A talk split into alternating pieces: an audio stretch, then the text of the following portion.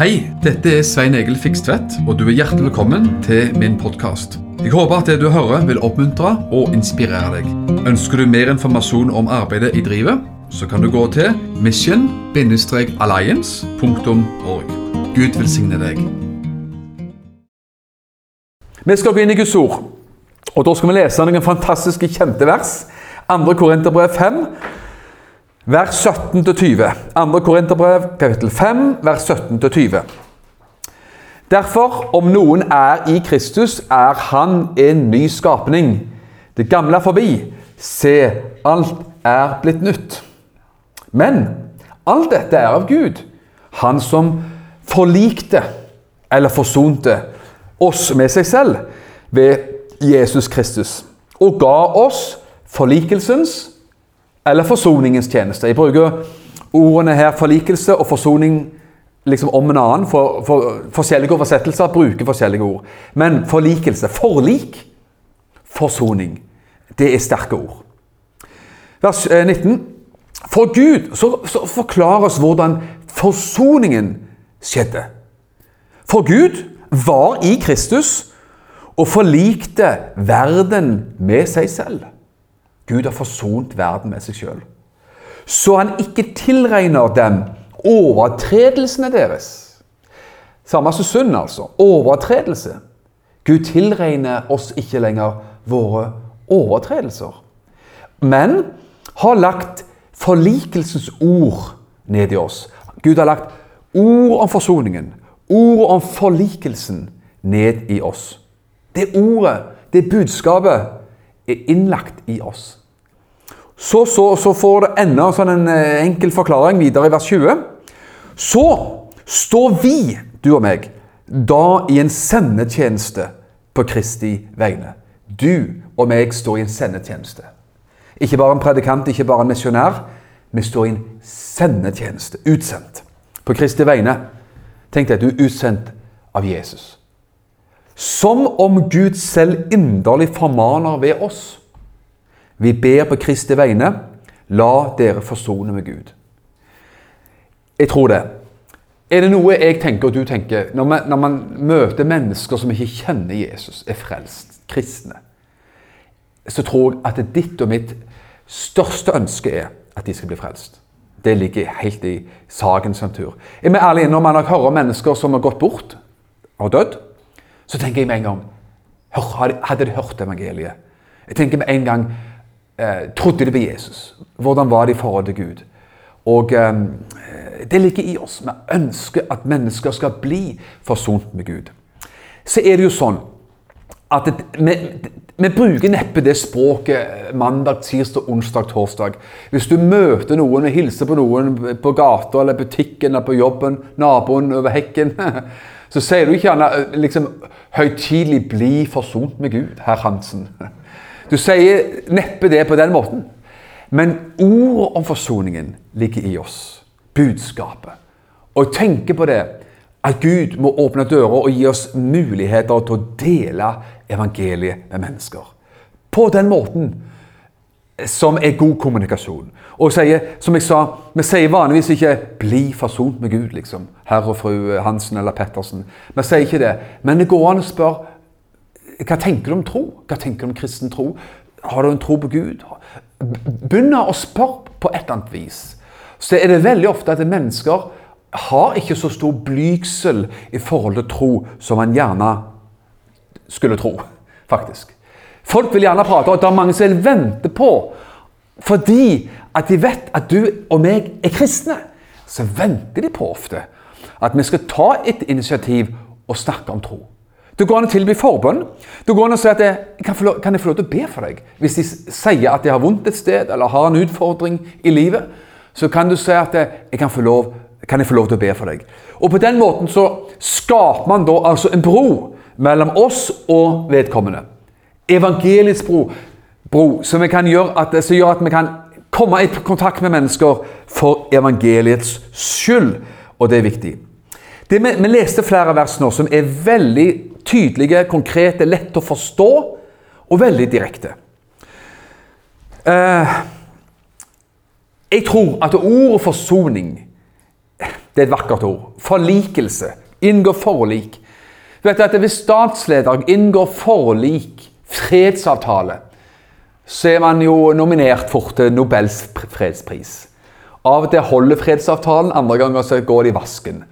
Men så er det mange statsledere som har, og statsledere som har møtt i Oslo på Nobels fredspris, og som da har fått sin pris. og Så gikk det av og til godt, og andre ganger ikke godt. Men det ligger noe i oss at vi elsker forsoning og forlikelse mellom mennesker. Hvis mennesker og ektefeller har vært fra hverandre, eh, eh, vært skilt eller separert eller bodd fra hverandre eller hatt det vanskelig, så skjønner man at det, det går godt. De har kommet sammen igjen. Det har, det har blitt forsoning og ordning og osv. Så, så liker vi det. Med, med, med det, smelter, det smelter hjertet vårt.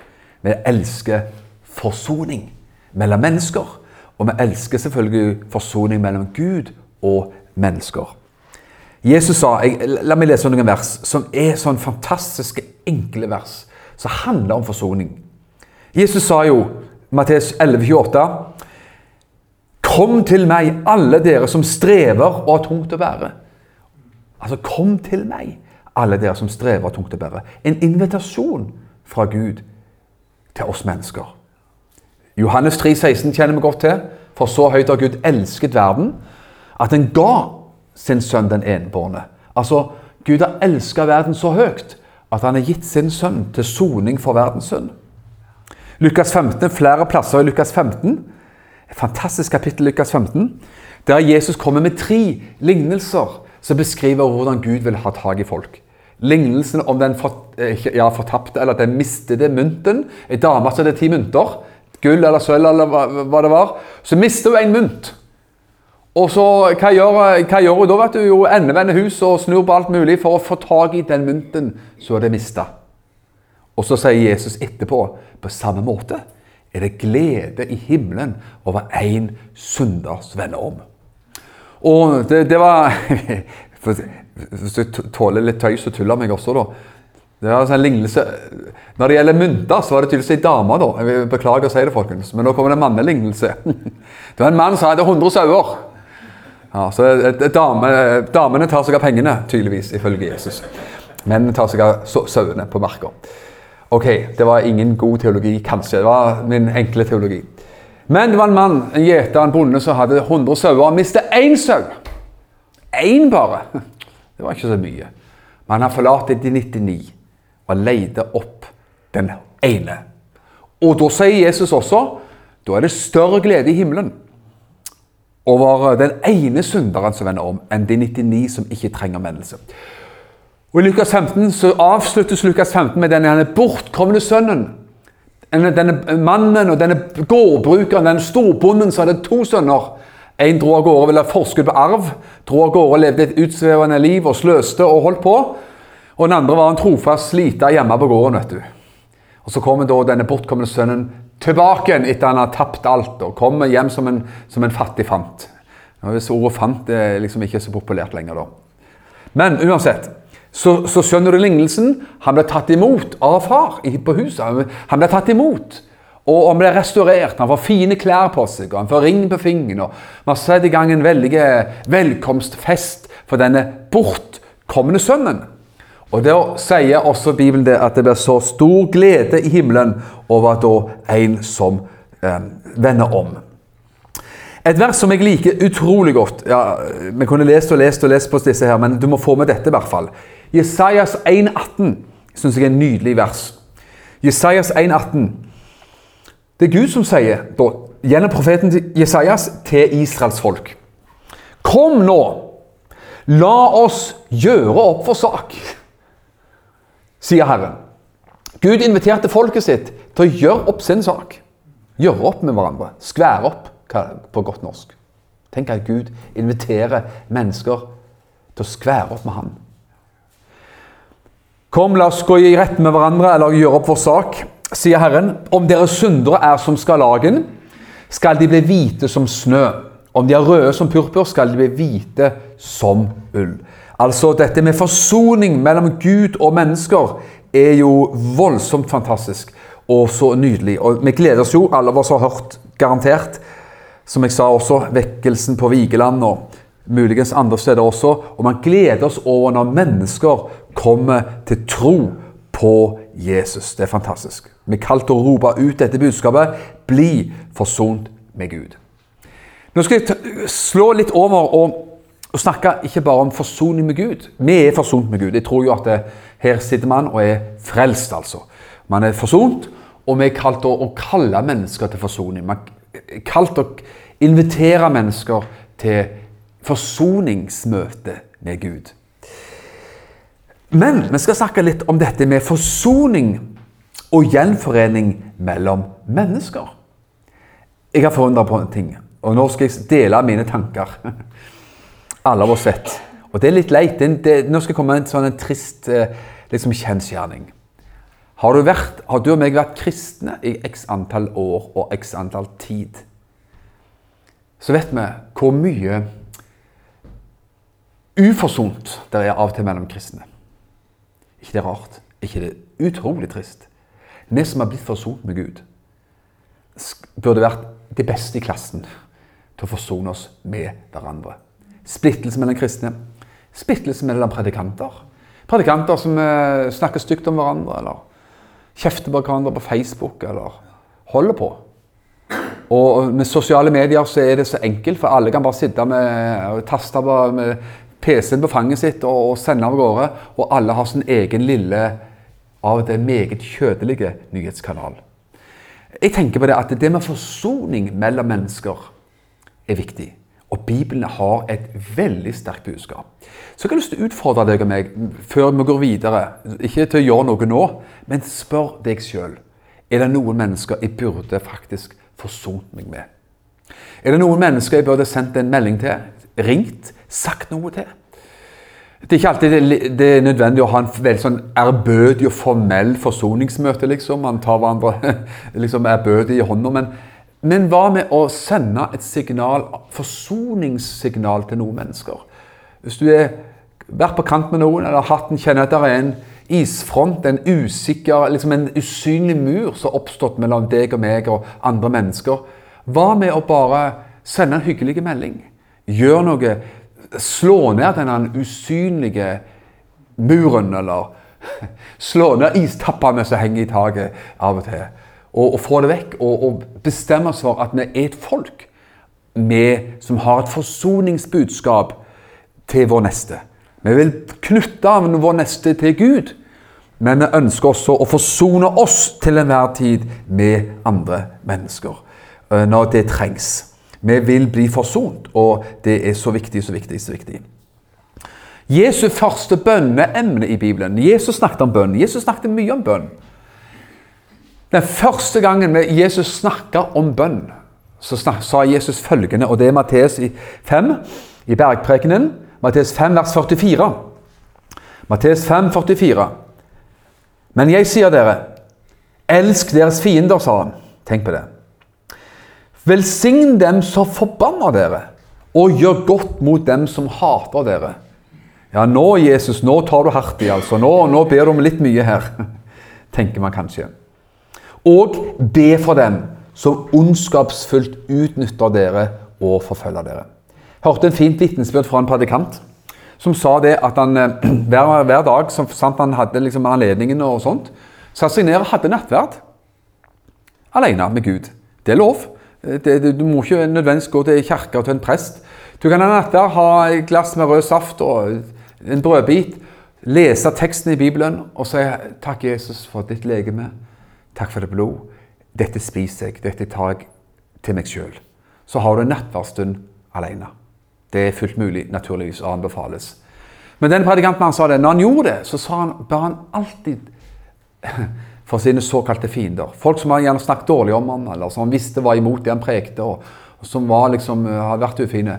Så ba han for dem og sa, 'Herre, jeg ber at du skal nå disse menneskene med din godhet, med din kjærlighet, med din velsignelse. La det gå godt for han eller henne og deres familie og deres barn. La det lykkes i livet deres. La det ha det godt, la de være friske. La det gå bra for dem. Mens man, står, mens man har en sånn nattverdsstund alene innenfor Gud. Kolossalt bra at man utsteder, utber, uttaler, utleverer forsoning For Gud vil forsoning. Og til og med oss feil, feilaktige mennesker, feilbare mennesker, syndige mennesker, liker jo, smelter jo når man hører om forsoning mellom mennesker, som jeg sa. Ektefeller eller andre mennesker, statsledere eller hvem og hva som helst. At når det skjer forsoning, så er det alltid noe som er veldig kraftfullt og veldig, veldig sterkt. Og vet du hva? Det er interessant, og det er både interessant og som jeg sa, både interessant og skremmende å tenke på hvor flinke man skulle eventuelt være med å tenke på forsoning mellom oss og Gud. Men hvor dårlige man likevel er i dette med forsoning mellom oss mennesker. Men vet du hva? jeg tror man kan vokse i det. Jeg tror man kan til og med trene oss i det. At man bare sørger for Jeg Skal nevne et eksempel som skjedde eh, mellom meg, ja, mellom meg Ikke mellom meg og kona mi, men mellom oss to og noen andre mennesker. Så vi følte at det, det, person, det var en person som vi følte var, møtte oss med kanskje med en litt sånn isfront. Litt sånn uh, reservert blikk. og liksom, uh, Det var vanskelig å nå blikket og vanskelig å nå liksom, øyekontakt. og skjønte her er det noe. Og vi visste ikke helt hva det var, men det er nå så. Men hva gjør man da? Man kan jo ta en alvor, alvorsprat med vedkommende og gjøre det veldig formelt og veldig rart. Men det er bare bestemt oss for at vet du, neste, neste gang vi ser den personen, så skal vi for Det, som ofte skjer da, når, så man møter en sånn person på den måten der Man ser at vedkommende har den der usikkerheten og den usynlige muren. Hva gjør det med oss? Vi blir veldig like, vet du. Vi merker no, noen, noen utstråler en usikkerhet. Så skaper det usikkerhet hos oss og da er det en gjensidig usikkerhet. Vet du. Da er det med frem og tilbake og like langt. Og det blir en slags usynlig, rar, merkelig usikkerhetsfront. Eh, eller usynlige mur. Eller isfjell mellom mennesker. Og Vi visste ikke hvorfor det var sånn, men vi bare bestemte oss for det at når vi møter vedkommende igjen, så skal vi bare si virkelig ta sats. og si 'Hei, så kjekt å se deg'. Og, og bare liksom Gi en god klem og liksom bare, bare bryte, knuse og smelte all is på et øyeblikk. Og det tok bare sekunder, naturligvis. Sånn? Misforståelser, en følelse De følte kanskje denne, det her var ei dame følte kanskje at vi hadde vært, uh, ikke vært oppmerksomme nok, eller et eller annet. Små signaler som kan skape usikkerhet. Og, det, og da tenker jeg Gud hjelper oss til å være de første til å bryte det der i Jesu navn. Og da er det bare til å uh, tale noen gode ord. Så kjekt å se deg, og hvordan går det, og et eller annet fint og flott. Og gi en dose kjærlighet og varme, så er alt i orden. Og det er, tror faktisk Gud liker. Og etter det så har det vært ukomplisert og tvers igjennom hjertelig mellom oss og denne her dama, da, i dette tilfellet. Det var et lite eksempel. Skal du høre hva Jesus sier da? Mattes 5, 23. Mattes 5, 23-25. Derfor, sier Jesus Og nå snakker Jesus inn i den settingen til de folk han snakket om med. og Det var jo jøder, naturligvis, til folket og disiplene. Derfor så, så settingen er der. Derfor, hvis du kommer med din gave til alteret Vi kommer ikke med gaver til alteret akkurat sånn i den bokstavelige forstand. Men hvis du kommer med din gave til alteret, og der kommer på at en bror har noe imot deg. Tenk på det. Er det noen, Merker jeg at noen har noe imot meg? Så kan man jo spørre seg ja, men har jeg gitt deg en grunn til å ha noe imot meg. Altså, Opplegget er La oss finne ut av det. Ikke bare la, det, liksom, la dette rulle og gå. Så blir det bare mer og mer mistenksomhet. Og, og liksom en elefant i rommet. Ok. Hvis du kommer på at noen har noe imot deg, eller motsatt òg, hvis vi kommer på at vi har noe imot noen, det sier Bibelen også, så la gavene ligge der foran alteret. Altså liksom avbryt, avbryt nærmest eh, bønnen din og gudstjenesten. La gaven din ligge der på alteret og gå derfra. Og så står det så fantastisk Jeg har utheva det på skjermen min her med rødt. Rød skrift. Bli først forlikt med din bror. Kom så og bær fram gaven din. Hvis du, ikke, hvis du, ikke, husker alt annet jeg har prekt om her i dag, hvis du kunne huske en halv setning i linja Bli først forlikt med din bror eller søster. Bli forlikt. La oss skynde oss til. La oss raske til, flinke til, å bli forlikt med våre medmennesker. Når man merker at noe er ikke sånn det skulle være. Venner, dette er jo Hvis du tenker deg om, tenker du umiddelbart og med stolthet, så tenker man ja, men da viser jeg meg som en svak person. Men vet du, en svak person det skal styrke til å bli forlikt med sin bror. Tenk deg om, Det er jo det som krever mot. Det krever ikke mot å holde avstand og se bort og se ned og, og, og si, Treffer du feil person uten forvarsel i en butikk, så prøver du å gjemme deg bare på butikkhyllen. Liksom, for var, så, jeg var ikke forberedt på å treffe han eller henne. Nei, det skal jo styrke til å møte sånn, ta initiativ til sånn. Det er det som er styrke. Svakhet det er å bare trekke seg bort og trekke seg vekk. Men kanskje i vårt kjøtt så tenker man at det viser svakhet. Nei, det er jo faktisk å vise styrke og storhet når man gjør det. Bli først forlikt med en bror. Det her er jo ikke sånn hallelujamøte i dag. Det var vel sånn praktisk arbeidsmøte, kanskje. Ok. Kom så bær fram gaven din. Nå skal du høre enda en sånn rød linje som jeg har lagt meg her, da, som Jesus sa, altså. Bli raskt enig med den du ligger i strid med. Vi kan godt lese resten, altså, men det er bare godt å stoppe med en sånn liten setning. Bli raskt enig med den du ligger i strid med. Ja, ligger man i strid med noen? Ja, skulle man ligge i strid med noen, så er jo det en ganske sånn alvorlig sak. Det, det er ikke noe greit. Og jeg sier ikke at det skulle være din eller min feil. Det er det selvfølgelig ikke. Det er jo andres. Nei da. Men saken er, hvis vi ligger i strid med noen, så, så er det jo sånn Det fins nok her òg på notatene mine. Romerne 12 et sted. Romerne 12. Eh, hold, hva står det? Hold fred med alle så langt det står til dere. Du har hørt uttrykket. Beklager, jeg sier det på et bedehus, da, men ok. Det skal to for å danse tango, sier man. ja, Jeg vet ikke om du praktiserer det, men det er så. Men det skal også to til å ligge i strid med hverandre. Er du enig i det? Så langt det står til meg, så langt det står til deg, så langt det står til min side, så vil jeg holde fred med mennesker. Om andre vil bråke med Svein Egil, så har de et problem. Dessverre. Men, men fra min side så vil jeg leve fredelig med alle mennesker. og som du skjønner, når vi har lest mange vers og sitert noen vers Vet du hva? Bibelen er full av det. Og så ser jeg for deg kors. Nå er det kors her.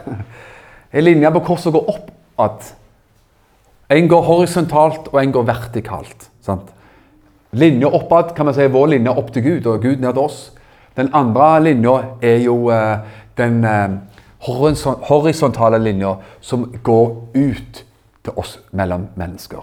Og Bibelen snakker om begge deler. Vår linje oppad til Gud og Bibelen snakker veldig mye, nærgående mye, utfordrende mye. Nesten plagsomt mye, også om vårt forhold til vår neste.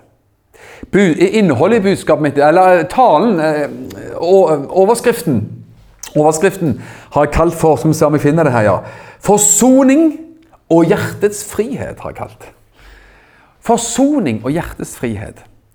For jeg tror det henger sammen. Denne følelsen av frihet her inne. At jeg er fri. Jeg kan møte hvem som helst. Jeg kan se hvem som helst eh, inn i øynene. Jeg kan, for jeg er fri. Hvorfor er jeg fri? For det er ikke noen vond tak, vonde minner og såre ting. Jeg skal ikke bagatellisere det, for mange kan ha opplevd harde slag i livet. Veldig harde slag. Så det vil ikke et øyeblikk være så dum at jeg bagatelliserer det. Men kan man likevel tro at det fins en vei til forsoning? En vei til frihet.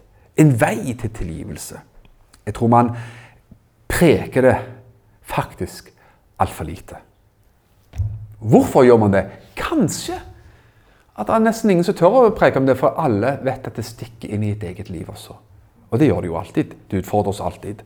Men vi er nødt til å preke om det som Guds ord ber oss om å preke om. Vi er nødt til å preke om de tingene som Bibelen altså snakker om. Bli raskt enig med den du ligger i strid med, mens du ender med ham på veien. Så han, så ikke den du ligger i strid med, skal overlate deg til dommeren, og dommeren overlater deg til rettstjeneren, og du blir kastet i fengsel. Altså, du blir angitt og du altså, Ordne opp før du kommer dit hen. Ordne opp før du kommer i rettssalen. Det er viktig. Ordne opp. Prise Gud. Skal jeg snart slutte? Jeg skal ikke holde på, jeg tror ikke jeg holder på så lenge heller, faktisk. Følger med på klokka, vet du, for en gangs skyld. Et mirakel. Miraklenes tid er forbi. Skal du høre det som jeg siterte også. Romene 12, vers 17-18. Romene 12, vers 17-18. Det er jo en del vers i Romene 12 som er veldig sånne Veldig praktiske. Gi praktisk livsråd til oss. Og, eh, men hvorfor, hvorfor, leser man det ikke oftere, og hvorfor lever man det ikke bedre? Det kan man alltid spørre seg om. Romene 12, vers 17-18. Gjengjeld ikke ondt med ondt. Legg vind på det som er godt, overfor alle mennesker. Ja, alle mennesker må vel bety alle mennesker. Legg vind på det som er godt overfor folk. La oss gjøre godt overfor folk. Vi trenger ikke være enig med folk. Vi kan godt være tydelige på hva man mener, og stå for rett og galt. Amen. Eller så stå for det som er godt, da. Skille mellom rett og galt. Absolutt. Men vet du hva? vi kan likevel være gode mot mennesker. Greie med mennesker. Ikke ønske noen vondt og vanskelig, men be for våre fiender, som Bibelen sier. Og så står det, kommer det som jeg allerede har sitert. Hvis det er mulig, sier han, så langt det står til dere, altså så langt det står beror på meg, så langt det beror på deg, skal dere leve fredelig med alle mennesker. Leve fredelig med alle mennesker. Det er bare mennesker, store mennesker, får man si. Bare mennesker med stort hjerte, da, som kan si dette utrolige ordet unnskyld. Eller tilgi meg. Eller noe lignende. Unnskyld. Vet du at Det er altså så forløsende ord som, man, som er, har veldig kraft i seg, og som kan rydde opp i kolossalt mye. Jeg husker, jeg hadde gleden av å jobbe tre år i Sarensdal, på bibelskolen i Sarensdal, før vi kom til Froland. Og eh, det var jo gøy. Det var jo alltid gøy å møte eller høre eller lytte litt til Arild Edvardsen, av og til internt på møter og sånt. Andre ganger i forkynnelsen. Så Arild var jo en, var jo en, eh, en eh, ja, en særklasse, får man si. Han fortalte at av og til når han var liten gutt, og faren hans hadde vært for hard og for streng og for liksom, ja, sikkert sint Oppfarende mot småbarn vet du, som ikke lar seg styre så lett. Så fortalte Arild Edersen det at eh, når faren hans innså at han hadde vært for hard, for streng, for urimelig, for sint eller oppfarende mot lille Arild så tok Man brukte hatt i den tida, vet du. Tok av seg hatten, og så rekte han hånda si, og så sa han unnskyld. Tok han i hånden, Bøyde seg ned liksom, til lille Arild og tok han i hånda og sa unnskyld. Så tok han av seg hatten i all høflighet og all ærbødighet. Det er fint gjort. At fedre kan be om unnskyldning til sine barn. Mødre kan be om unnskyldning til sine barn. Ektefeller kan be om unnskyldning til sine barn. Hvis man ikke klarer det, det, det liksom er helt vanskelig når man innser at man trenger det, så, så tror jeg at Gud må få komme til med sin nåde og sette oss fri til å være sånne mennesker som lever i sann ydmykhet. Sann ydmykhet, tenker jeg. Skal du få et vers til slutt. Jeg tror ikke vi har, har ikke mer eh, vers enn dette, så det, det, det går mot sin eh, sikre slutt, venner. Men noen interessante og sterke ord fra 1. Korinterbrev, kapittel, eh, kapittel 6, vers 1-8. Ganske mange vers, for så vidt. En sterk situasjon. Jeg tenker på dette, for man, man, man, man kjenner jo til, som kristen og som predikant, så kjenner man til ja, altfor mye uoppgjortheter og strid og splittelse. og Denne med den, og denne holder med den, og de to er ikke venner lenger. og Nå har de stjålet seg, og de har splitta opp, og de har ditten og de har datt, og de har krangla, og de har drar i, driver med tautrekning. Kan, man, kan vi, du og meg, bestemme oss for at vi skal være en konfliktfri sone? Halleluja. Amen. Går det an? Vi kan i hvert fall gjøre en bestemmelse. Gjøre, ha det som målsetting. Eh, skulle man ikke klare det og leve det fullt ut, så kan man eh, få nåde og tilgivelse fra både, Gud, fra både Gud og mennesker og begynne på ny. Men at en målsetting i vårt liv Svein Egil og du vil være en konfliktfri sone. Ja, tenk på det. Nå skal vi lese 1. Korinterbrev, kapittel 6, vers 1-8. Og da er det Paulus som sier Og han kjører jo veldig hardt her nå på korinterne. Våger noen av dere, sier han, når han har en sak mot noen en annen Tenk at han har en sak mot noen, da. Og får saken pådømt av de urettferdige og ikke av de hellige. Altså det at man dro hverandre for retten, med andre ord, som kristne. Vet dere ikke, og det her er vers som ikke jeg helt skjønner sjøl engang, men, men eh, det står Vet dere ikke at de hellige skal dømme verden? Du verden. Og hvis verden skal bli dømt av dere, er dere da uverdige til å dømme i de minste saker? Og det var det, Spesielt vers 3 da, som er enda mer krevende å forstå. Vet dere ikke at vi skal dømme engler? Ja, I all verden. Når, og hvor, hvordan, eh, hvor hen? Herren vet. Hvor mye mer da de ting som angår dette livet? Så jeg vil si bare Du får være klar, altså. En eller annen gang i framtiden, i det hensidige, at du skal være med å dømme engler. Ikke hvordan det skjer. Så vi får lov til å ha det litt moro på et møte her. Kanskje du ter kaster terningkast, eller? Nei. Vi vet ikke. Men Herren vet. Nå skal vi bli alvorlige igjen her. Hør her, vers 4. Hvis dere da har rettssaker Jeg har problemer med internettforbindelsen. Prøv igjen senere. Ja, det var, nå det ikke noen eh, Maskiner, alt kan prate. Få, få vekk den luringen der.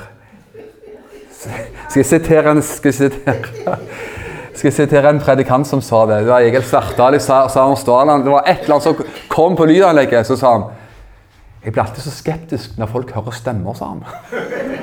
Nå hørte vi stemmer, altså. Når folk begynner å høre stemmer, da kan, vi bli, bli skeptisk. Nok om det. Jeg skjønner ikke, du vet. Vi lever i moderne tider. Det var det kanskje var saken. Det var kanskje liksom hun Siri inni maskinen her som lurte på hva betyr dette å dømme engler. Kanskje hun lurte på hva det betyr for noe. Jeg vet ikke, Siri. Ti stilt med deg. Vi skal gå videre. Ok, vers 5. Jeg sier dette til skam for dere. Er det slik at, dere, at det ikke finnes én vis mann blant dere? Ikke en eneste som kan være i stand til å dømme mellom sine brødre. Altså, Her var det folk som gikk til rettssak mot hverandre, sto i strid med hverandre i mennesker som tilhørte menigheten. Og Så sier Paulus det er jo en stor skam, alt sammen. Men så sier han Fins det ikke én vis person, fins det ikke én ja, klok person i gjengen som kan være med å skape fordragelighet og enhet og forsoning?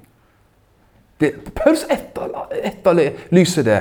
Og vet du hva, av og til må jeg innrømme at jeg etterlyser det i mitt stille sinn, jeg òg. Av og til, når jeg tenker på enkelte ting. Men, sier han, en bror går til retten mot en bror. Og det for ikke-troende dommere. Men det er allerede et stort nederlag for dere når dere går til rettssak mot hverandre. Når kristne går til rettssak mot hverandre, da, eller eh, begynner, eh, begynner liksom å betale advokater, da, man, da, da, er man på et lavt punkt. Er du enig i det? Ja. Og så kommer Paulus, og nå kommer dette Svein Egil har merka med rød skrift. Paulus har et forslag. Hvorfor kan dere heller ikke finne dere i å lide urett? Forslag fra Paulus. Bedre vei. Står hardt til hardt, front til front. Er det noen som husker Det var veldig mye rart de skulle trekke inn i dag. i forkynnelsen. Noe alvorlig og noe skjemt. Men vi får lov til å ha litt skjemt også, da, siden det var så alvorlig budskap. Noen husker kanskje den gamle Fleksnes-filmen. Det er Fleksnes og en annen kar de møter med hver sin bil på en smal grusvei. Og der står de, vet du. Ingen vil rygge. Er det bare jeg som har sett den? Ja, noen, noen vedkjenner seg den, altså. ok? Her, her, her er Paul, et ord fra Gud inn i saken. Hvorfor kan dere heller ikke finne dere i å lide urett? Hvorfor kan dere heller ikke lide tap? Forslag, altså. Vi lærte det da vi var små, vi var fire søsken da, og min far og mor sa 'Klokeste den', sa faren min. vet du. 'Klokeste den som gir seg', sa han. Og du vet, det var, vet du, hører at den er klokest, den er smartest, som gir seg da, eh, det, Far min var smart av og til, altså. Han klarte å liksom, ta innersvingen, på oss da, når vi skjønner at det er den smarteste han gir seg. Det, det. Hvorfor kan dere heller ikke lide urett? Hvorfor heller ikke lide et tap? Nei, dere gjør selv urett og bedrar, og dere gjør dette mot deres brødre. Ganske ille, alt sammen. Ok, venner. Nå har vi snakket først om forsoning med Gud, og det er jo bare fantastisk å minne oss om det. Vi er forsont med Gud, det er jeg helt sikker på. Du ser veldig kristen ut der du sitter. Så du er forsont med Gud. Men får jeg lov til å utfordre deg og meg og si siden vi er forsont med Gud, så burde det ligge tungt på oss at vi skal være en konfliktfri sone. At det skal ligge tungt på oss å leve forsont og leve fordragelig og leve leve redelig og leve tilgivelse. Og velsigne mennesker som eventuelt da har gjort oss noe vondt av og til. Spør jeg deg eller spør jeg meg sjøl om har vi opplevd at noen noen gang har gjort oss vondt? Gitt oss en dolk i ryggen, som man gjerne kaller det. Kastet oss under, under bussen, som noen kaller det. Og om man har opplevd forskjellige ting som var ugreit, så er det lov å si at det var ugreit, til og med. Men går det an å komme forbi? Går det an å tilgi? Går det an å forsone? Går det an om man ikke får til en slags gjensidig forsoning med et menneske, kan man likevel ensidig sitte hjemme med nattverdsglasset og brødet i hånda og si 'Herre Jesus, jeg er forsont med deg'. Her er, her er, blodet, her er brødet. Her er, her er det, det, som representerer det blod.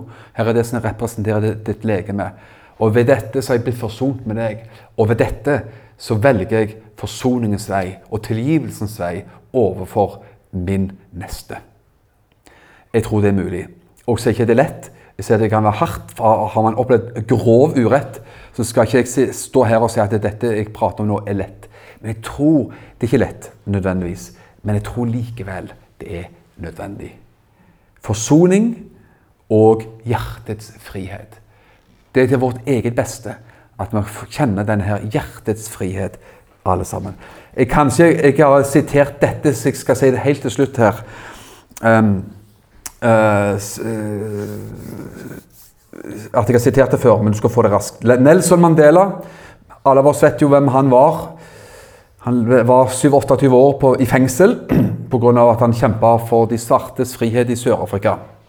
Så ble han satt fri, og så kommer disse her utrolige ord av han når han forteller når han gikk ut av fengselet til sin frihet etter 27-28 år.